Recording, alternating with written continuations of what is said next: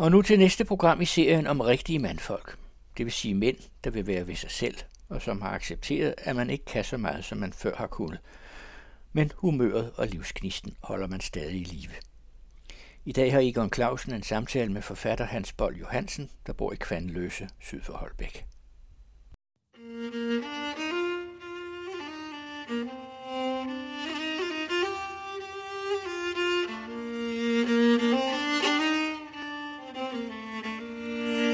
Der er en bakke, og der er en plæne, der skråner.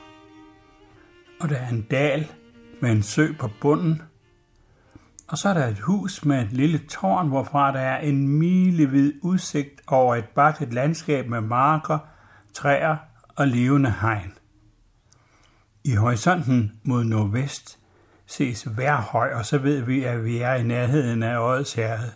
Ja, vi er nær Holbæk. Og her bor Hans Boll Johansen. Han er doktor Fil og har været tilknyttet Københavns Universitet som docent i fransk litteratur gennem mange år. Han har også skrevet en del bøger. Den seneste bog hedder Ganske kort her til sidst, og den handler om at blive gammel. Dens undertitel er Om kunsten at visne glad. Så der begynder vi. som sent i høst i gule blad.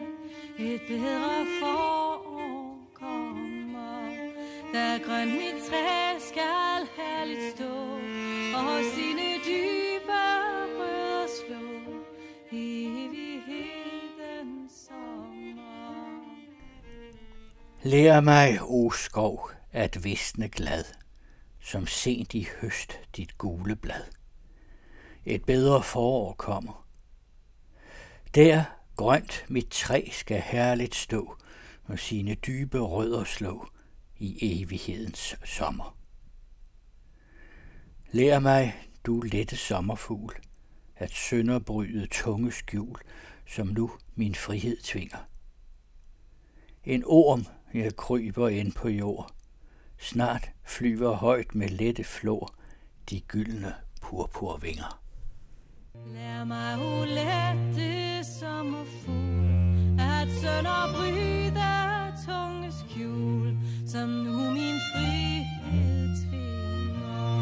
En orm, jeg kryber hen på jord, snart flyver højt med lette flor, de gyldne purpurvinger. Ja, jeg kan sådan set godt lide tanken om, at mennesket indgår i et kredsløb, og at den metafor med, at man kan se livet som en blomst, der blomstrer op og, og visner hen, altså den kan jeg ikke alene leve med, men jeg, kan, jeg synes, det er en, en, en smuk tanke. Lær mig, o lille trækfuld du, at svinge mig til ubekendte strande. Når alt er vinter her og is, der skal et evigt paradis mig hisse et åbent stande. Altså, jeg kommer fra et, et, øh, et lærerhjem i, øhm, i Åben Rå, og har sådan set været forkælet i den forstand, at der aldrig, der har aldrig været nogen tvivl om, vi har heller ikke engang diskuteret det, at jeg skulle gå i skole, og jeg skulle gå i gymnasiet. Ikke? Der kom et gymnasium i Sønderjylland, i Sønderjyske købsteder i 1920, så det var der, da, da jeg blev født i 1936. Så øh, alt det der lå, øh, var tilrettelagt for mig, så at sige. Ikke? Senere, altså meget senere, altså for ret få år siden, efter jeg blev pensioneret, at, og efter jeg for længst var flyttet til København, at det, det gik op for mig, hvor vigtigt det faktisk var at være født i Sønderjylland, hvor anderledes det var, det øh, der foregik dernede, altså at, at der var den der særlige øh, fortid, hvor en hel generation af øh, unge mænd blev indkaldt til krigen, Første Verdenskrig, og 5.000 af dem faldt. Det er jo svimlende at tænke på. Altså at hver eneste familie, så at sige, på en eller anden måde var præget af, af den fortid. Ikke?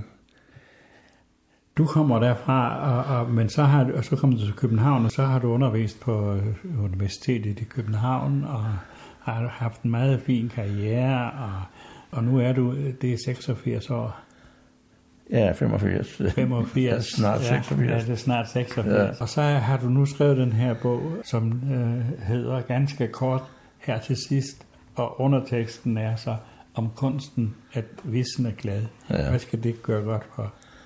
Altså, det er nok en, en, selv, en selvreflektion. Altså, nu er jeg kommet til min egen, min egen overraskelse. Jeg er blevet en olding, hedder det, ikke? Og øh, hvad indebærer det egentlig? Det indebærer jo for eksempel, at altså, der er ikke så længe til, man skal dø.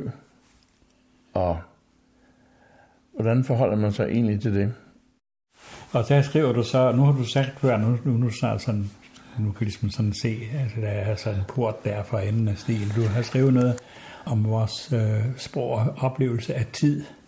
Og der skriver du så, at øh, Øh, de gamle grækere, de har to ord for tid. Det ene er kronos, og det andet er kairos.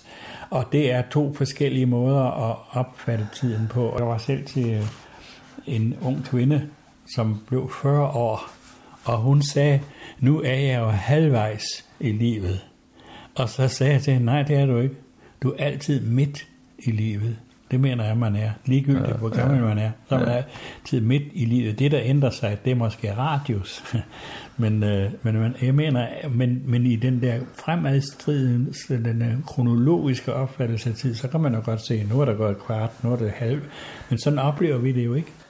Nej, det er derfor, jeg synes, det, det er interessant, altså at, at sådan set at få et andet ord, eller at nogen har et andet ord for det, som måske er det interessanteste, ikke? Altså den kronologiske tid, at tiden skrider fremad, og man kan se, at nu der gået så så mange år, og man synes de sidste år, at, at det er gået forbavsende hurtigt, og alt det der, ikke? Altså, øh, der må være en anden måde at kvalificere tiden på, sådan set. Altså det interessante ved at have, at grækerne har det der ord, det er, at man så kan forstå, at øh, man kan opleve, at det sådan set kan blive interessantere og interessantere at leve, selvom der er dels ikke så mange år tilbage, og, og det er sådan set er helt uafhængig af den kronometriske tid. Øh, men altså, det er også noget, øh, administrerende direktør ynder at sige, at nu skal de hjem, og nu, nu går jeg af, og nu skal jeg hjem og have kvalitetstid med mine børn. Ikke? Så er de i mellemtiden, at de så flyttet hjemmefra. Men altså begrebet kvalitetstid er sådan set en meget sjov måde at kvalificere tiden på. På en måde er det, kunne man godt sige, at det er det, der er kairos, ikke? Og det kan man opleve på mange forskellige måder i løbet af sit liv, men det er i hvert fald måske nok noget, det man bliver mere bevidst om, når man bliver gammel, ikke? Du læste øh, sprog på universitetet? Jeg læste sprog på universitetet, ja, selvom jeg var matematisk student, ikke? Og samtidig synes jeg, det var øh, et mærkeligt valg, og det var det sådan set også. Men øh, altså, så finder man en, en vej ud af det alligevel, og, og der er jo interessante ting, man kan interessere sig for, når man så har valgt at studere fransk øh, kultur. Det var så ikke fransk sprog, jeg specialiserede mig i, men i fransk kultur. Og det, det havde jeg egentlig meget fornøjelse af, og sådan set gjorde jeg måske også altså lidt nyttigt ved at skrive nogle bøger om forskellen mellem fransk og dansk kultur. Det blev jeg meget optaget af, mens jeg boede fem, jeg boede fem år i Frankrig faktisk, og var dansk lektor dernede ved universitetet i, i Nancy, og kom hjem og var meget optaget af en af de grundlæggende forskelle mellem fransk og dansk. Det var det, sådan jeg havde oplevet det dernede. Det var, at vi havde en grundvigansk folkelig tradition. Det havde de ikke dernede. Det betyder alverden, faktisk. Hvordan det? Ja, på, på den måde, at øh, hele det franske samfund er gennemsyret af hierarkiske systemer. Altså, den katolske kirke er meget hierarkisk orienteret, ikke? På samme måde er det franske øh, stat opbygget med en præsident, som næsten fungerer på, på samme måde som en pave i den katolske kirke. Han har nogle beføjelser, som er fuldstændig uhørte i et demokrati som det danske, der ikke satser så meget på enkelte personer. Og det slår sig ned i samfundet? Det går helt ned i samfundet, helt ned i, i institutionerne, helt ned i måden at undervise på også. Altså mine børn kom så til at gå i fransk skole og oplevede den der autoritetsstruktur, efter at de havde gået i, i den danske folkeskole herhjemme i Danmark, og de kunne simpelthen ikke klare det.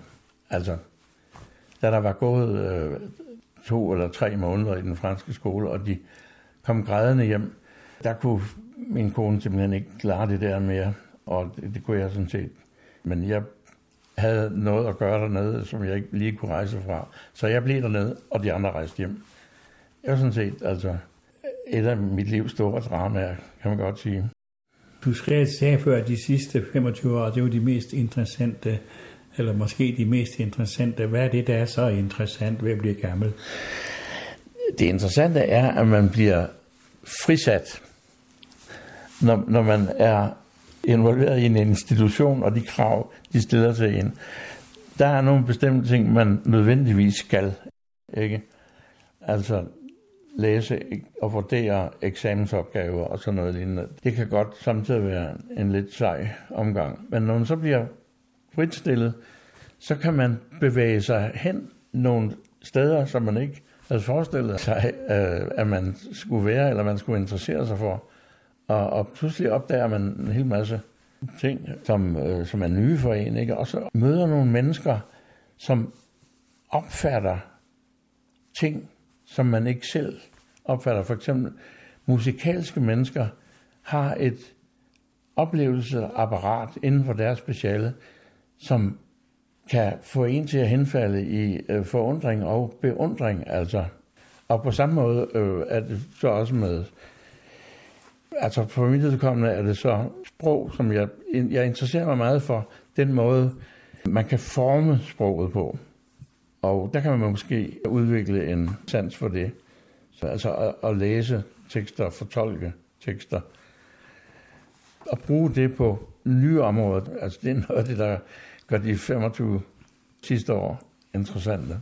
Men det er jo ikke alle af vores jævnaldrende, der har den øh, opfattelse. Du citerer i øh, din bog radiomanden øh, Frederik Dessau, som sagde, at alderdommen er en straf for noget, som jeg ikke har gjort. ja, ja altså, altså så sortsynet havde han jo ikke altid været. Altså man kan jo spørge sig selv om, hvornår fortjener man betegnelsen gammel, ikke? Det afhænger noget af, om hvem det er, der, der, der skal vurdere det. Unge mennesker synes nok, at når man er over 50, øh, så er man gammel, ikke? Jeg vil sige, at i det øjeblik, man mister lysten til, altså livslysten, lysten til at øhm, at eksistere og lysten til at interessere sig for ting, så er man gammel. Og det er vel sådan set det, det er udtryk for, vil sige, så kan når man, Frederik... så kan man jo godt blive gammel, når man er 30. Det kan man sagtens, ja. Det, men men det altså, jeg, jeg ved ikke, for mit vedkommende vil jeg sige, jeg kender en hel del mænd især. Det er måske fordi, det er dem, jeg har lagt mest mærke til. Men jeg kender en hel del, som er bedre og vrede og som ødelægger, synes jeg selv, øh, deres eget liv, øh, og ødelægger deres forhold til deres omgivelser med at være bedre og have en vrede, som de ikke øh, kan komme af med. Ja, men det, jeg kender også nogen, øh, det er rigtigt. Og der kan man måske sige, at det er et af privilegierne ved det, øh, vi har beskæftiget os med, at vi har hele tiden været optaget af noget, vi var personligt involveret i. Ikke? Og så gør det ikke nogen forskel, altså om vi bliver pensioneret eller ikke pensioneret. Vi fortsætter egentlig med at lave det samme, som vi altid har lavet. Ikke? Så på den måde at blive, at blive fri fra den der bitterhed, synes jeg. Jeg tror, at bitterheden kan opstå, når man synes, at der ikke er brug for en. Og brug for en, det vil sige brug for i det job, som man, man har været så bundet til, identificeret sig så meget med jobbet, så det bliver et fald ned i det store intet, når, når jobbet holder op. Ikke? Og der er nogle job, hvor man, er, hvor man er fri for det der skal, fordi man sådan set altså, laver det, interesserer sig for det samme. Det opfatter jeg som et, et meget stort privilegium. Men du, du har beskæftiget dig med en uh, humanistisk uh, videnskab, eller i hvert fald en humanistisk uh, aktivitet på universitetet. Og ærligt talt, det går der ikke særlig godt med respekten for det. Nej, det gør det ikke. Så hvordan kan du så sidde her og være tilfreds, når du kan se, hvordan det sådan går tilbage? Jamen, det er sikkert også et meget egocentrisk synspunkt, ikke? Og øhm, altså, det kan godt være, eller det, det kan ikke bare godt være, men det er helt sikkert sådan, at humanister, altså statsansatte humanister, har ikke formuleret sig øh, så meget i offentligheden, så man er blevet opmærksom på, eller at det er vigtigt, øh, det der. I hvert fald er der skåret meget ned på det, ikke?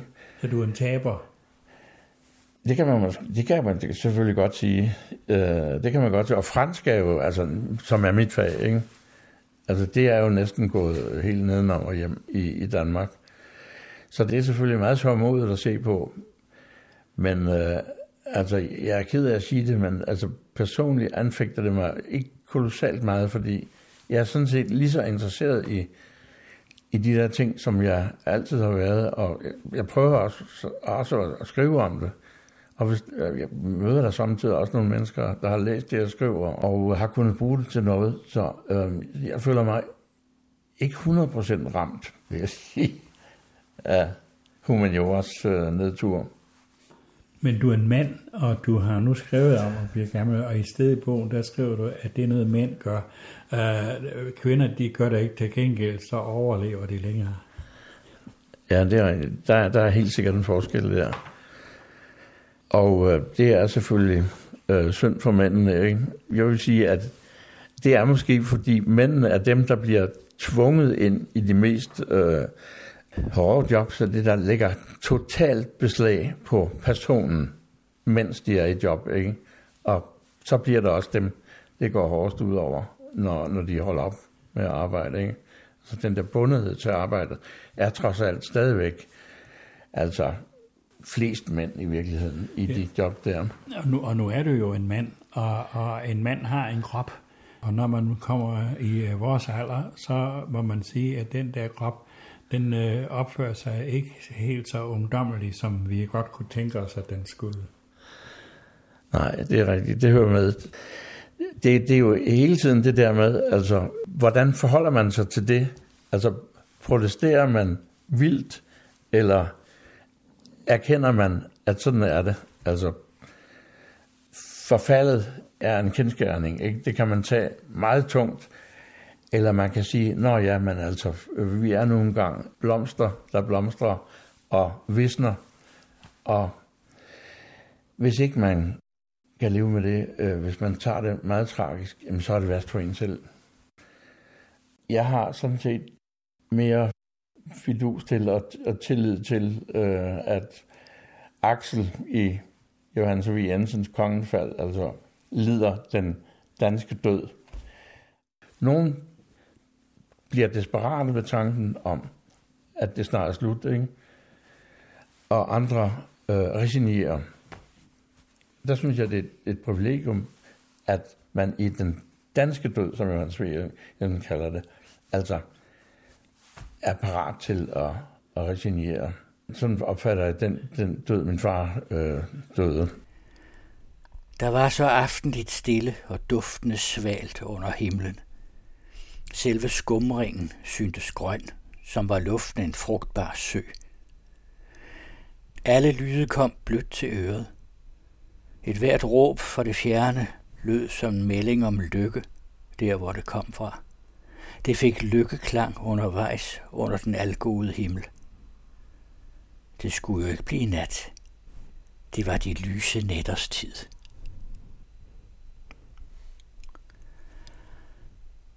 Axel åbnede øjnene endnu en gang og så den lyse nat. Himlen var som hvide roser.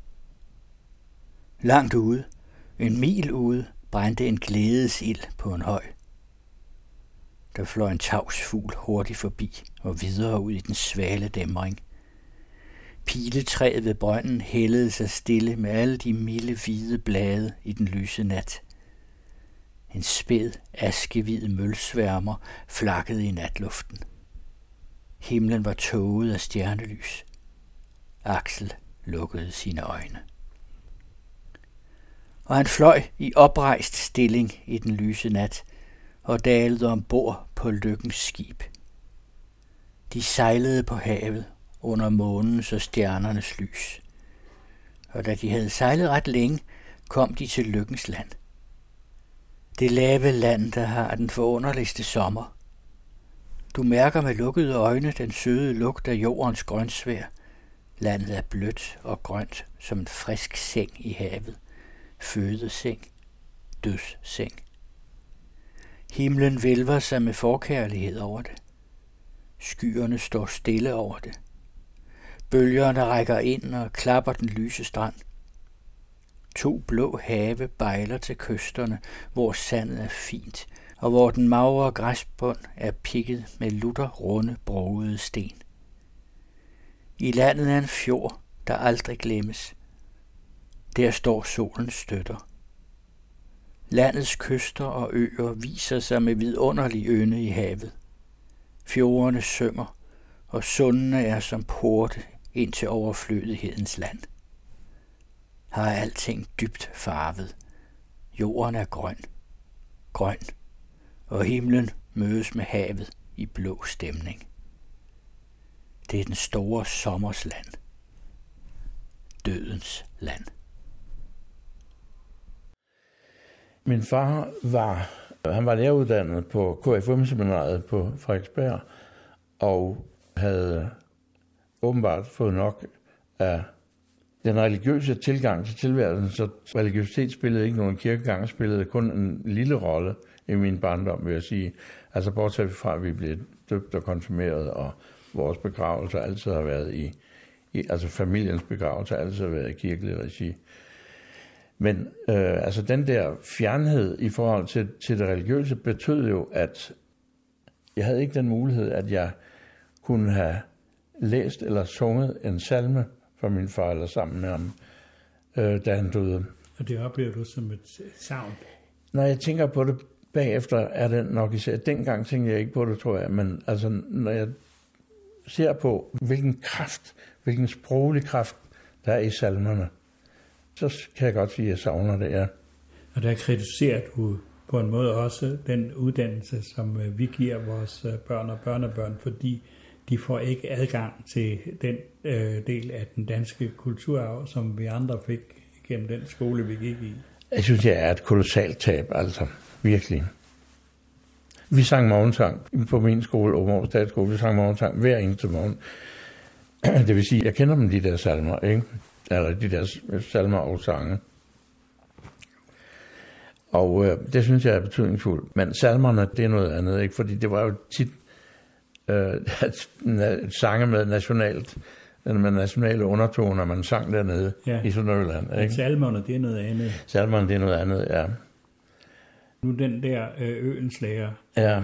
Øh, om kunst lær mig, at visne glad. Lær mig at skov altså, at visne glad. Altså, jeg synes jo, det er en klam tekst. Jeg synes, at den, øh, den øh, afgiver øh, nogle løfter om noget, som øh, vi først ikke kan vide noget om, men vi som sandsynligvis, eller på en måde er det jo egentlig det rene sludder. ja, det kan jeg godt følge dig i. Og det er der også nogle af, af mine, især en af mine øh, teologiske venner, der har berettet mig. Øh, han synes, at øh, altså Grundtvigs øh, salme om at komme i den sidste nattevagt i en af mine kærestragt, øh, altså det er der mere substans i. Ja øh, end, end det der øh, klingeklar. Men det, det, er også derfor, jeg, det er også derfor, jeg ser en, en, en bevægelse fra Ørenklager om at visne glad over øh, Johannes V. Jensens Den Danske Død, ikke? og så de kulturradikales sådan set ønsker om at øh, springe døden over, eller bortfortolke den, ikke tage den så tungt. Du har nogle beskrivelser af, af, af sådan nogle bisættelser, som øh, øh, det bliver sådan lidt, øh, jeg synes, lidt karnevalsagtige, og det er, som du selv siger, en benægtelse, synes jeg, af, af livets alvor. Ja, det dilemma i den der øh, dødsopfattelse er det jo i virkeligheden. Øh, altså at man laver sit eget ritual. Kirken har indført et ritual, som er øh, stærkt og, og øh, altså svarer til de stærke følelser, der er i situationen. Ikke? Og tro, at man kan komme og, og lave noget, der er bedre. Men det, jeg synes heller ikke, det der er ideen i den værtslige begravelse, det er jo at næsten at springe derover. Ikke? Men det falder altså tit noget på det ud, øh, hvis ikke man har virkelig kunstneriske og retoriske begavelser i familien, der kan stå for det der og, og matche den kirkelige ceremoni, altså så synes jeg nok, at det kan falde noget, noget på hvor ud. Altså jeg går absolut ind for det kirkelige ritual, altså. Ja, jeg har været til sådan en bisættelse, hvor, hvor den afdøde han, det var en han, havde beskrevet i detaljer, hvad der skulle ske, og hvad der ikke måtte ske, og, og så videre. Og det er den mest triste øh, Øh, bisættelse, jeg har været med til, og jeg opfatter det egentlig som et overgreb fra den afdøde side, fordi hvad rager det sådan set ham? Han er der jo ikke. Det er jo kun fordi, at han vil ikke give slip på den kontrol, som han har haft i sin tilværelse, og nu skal den så også udstrækkes til os andre. Og det er hensynsløst, og jeg synes, det, var, det er dårligt tænkt, fordi øh, når vi samles til en bisættelse, så er det jo netop for, at vi skal holde hinanden i hånden, og det er vores, det er de levendes sammenkomst, de levendes begivenhed, det er os, der skal komme videre. Det er ikke den døde, der skal bestemme, hvad, hvad vi føler. I sådan et følge ved en begravelse, der er der en blanding af ateister og altså mere eller mindre troende. Ikke? Ateisterne vil meget have sig frem, de føler sig fremmedgjorte. Altså de føler sig fremmedgjorte, når der står en præst, øh, som aldrig øh, har mødt afdøde, og taler om vedkommende og lover vedkommende mere eller mindre øh, evigt liv. Ikke? Så, så det er et, et, uheldigt møde imellem altså to holdninger, som kun møder hinanden, eller næsten kun møder hinanden, så konfrontatorisk i hvert fald, netop ved de der tragiske lejligheder. Jeg synes måske godt, at artisterne kunne have respekt for andre menneskers følelser, og ikke pådute. Men, men nu, nu, nu, nu nævnte jeg den her med ham der, som vil bestemme over ja, os, os ja. efter. Men det handler jo også om eftermælet, og det er der jo mange mennesker, der går meget højt op i. Og jeg opfatter det nærmest som sådan en slags sofistikeret selvoptagethed. Fordi, øh, jeg mener, vi kan ligge her og fryde os på vores dødslag, kan fryde os over, at vi får et eftermæle, men, men det kan vi for det første ikke vide, og for det andet så, det er jo ikke det, det handler om. Det, det handler om det liv, vi har nu. Ja, det er også noget af det, der skiller vandene. Ikke? Hvis man mener, at det hele slutter, når man ikke selv er der mere, man har haft sin tid, og det var fint, øh, altså så er man måske mindre optaget af eftermælet. Jeg ved ikke, men det er en bestemt mennesketype, der, der er altså måske selv, selvimponerede og selvoptagende øh, folk, der synes, at øh, det skulle da gerne kunne ses. Øh, det, det ville da være sørgeligt, hvis man ikke lagde mærke til, øh, hvor fremragende en person jeg har været. Jamen det er jo kun en trøst, så længe vi er levende. Ja, men altså de, de der mennesker... Det er en illusion. Det er jo noget, vi bilder os selv ind. Jeg, det, mener, jeg mener, det er selvoptagethed. Jamen det er det, er det da. Det er det da helt sikkert. Øh, men hvis man kan få nogen til at tro på det, øh, så kan det jo have et, et vist efterliv, ikke? og dermed en, en vis realitet. Ikke? Bliver du ikke samtidig selv lidt fristet? Er du ikke, er du ikke selv lidt sådan, tanken om døden er måske, den kunne måske godt komme sådan en gang, men altså, du er ikke bange for at dø. Men, men betragter du den så ikke også som en slags ven? Som en slags ven? Nej, det er jeg nok ikke helt kommet til. Jeg kan godt se, hvad du mener. Og øh, jeg kan måske også komme til det punkt. der. altså, hvis man har smerter, hvis man har stor sorg, øh, men øhm, hvis man lever et, et, et liv med sin partner stadigvæk, altså som man øh, meget er glad for og noget vil undvære, så er man ikke kommet til det punkt. Men, men det er sådan, tror jeg nok, at, øh, hvad skal man sige, udsigten til døden er det, der gør livet værd at leve. Og de mennesker, som benægter dødens eksistens, det er svært ved at leve et liv, som ikke er overfladisk. Er det rigtigt sagt af mig? Det tror jeg er helt rigtigt. Det tror jeg er helt rigtigt. Derfor behøver man ikke gå og tænke på den hele tiden, vel? Nej.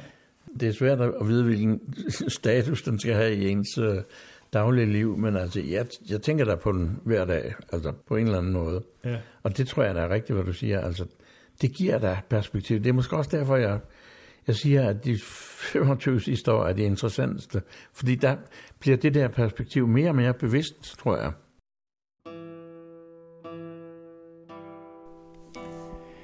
Længere kommer vi ikke i dag. Den mand, som jeg talte med, det var Hans Bold Johansen, en af landets fineste essayister. Og musikken, som du hører her i baggrunden, det er af Corelli en adagio i D-mol. Digtet Lær mig o skov er skrevet af Adam Øenslager, og teksten blev læst af Carsten Farag. Sangen blev sunget af Christine Sand fra Fiolministeriet, og teksten om Axels død er hentet fra Johannes V. Jensens roman Kongens Fald, og den blev også læst af Carsten Farag. Hvad Hans Boll Johansen angår, så har han skrevet en fin lille essaysamling med titlen Ganske kort her til sidst om kunsten at visne glad. Den er udgivet på Kristelig Dagblads forlag i 2021. Og jeg skal også sige, at samtalen her har modtaget støtte fra Veluxfonden, og vi takker. Og vi fortsætter samtalerne med mænd i den modne alder.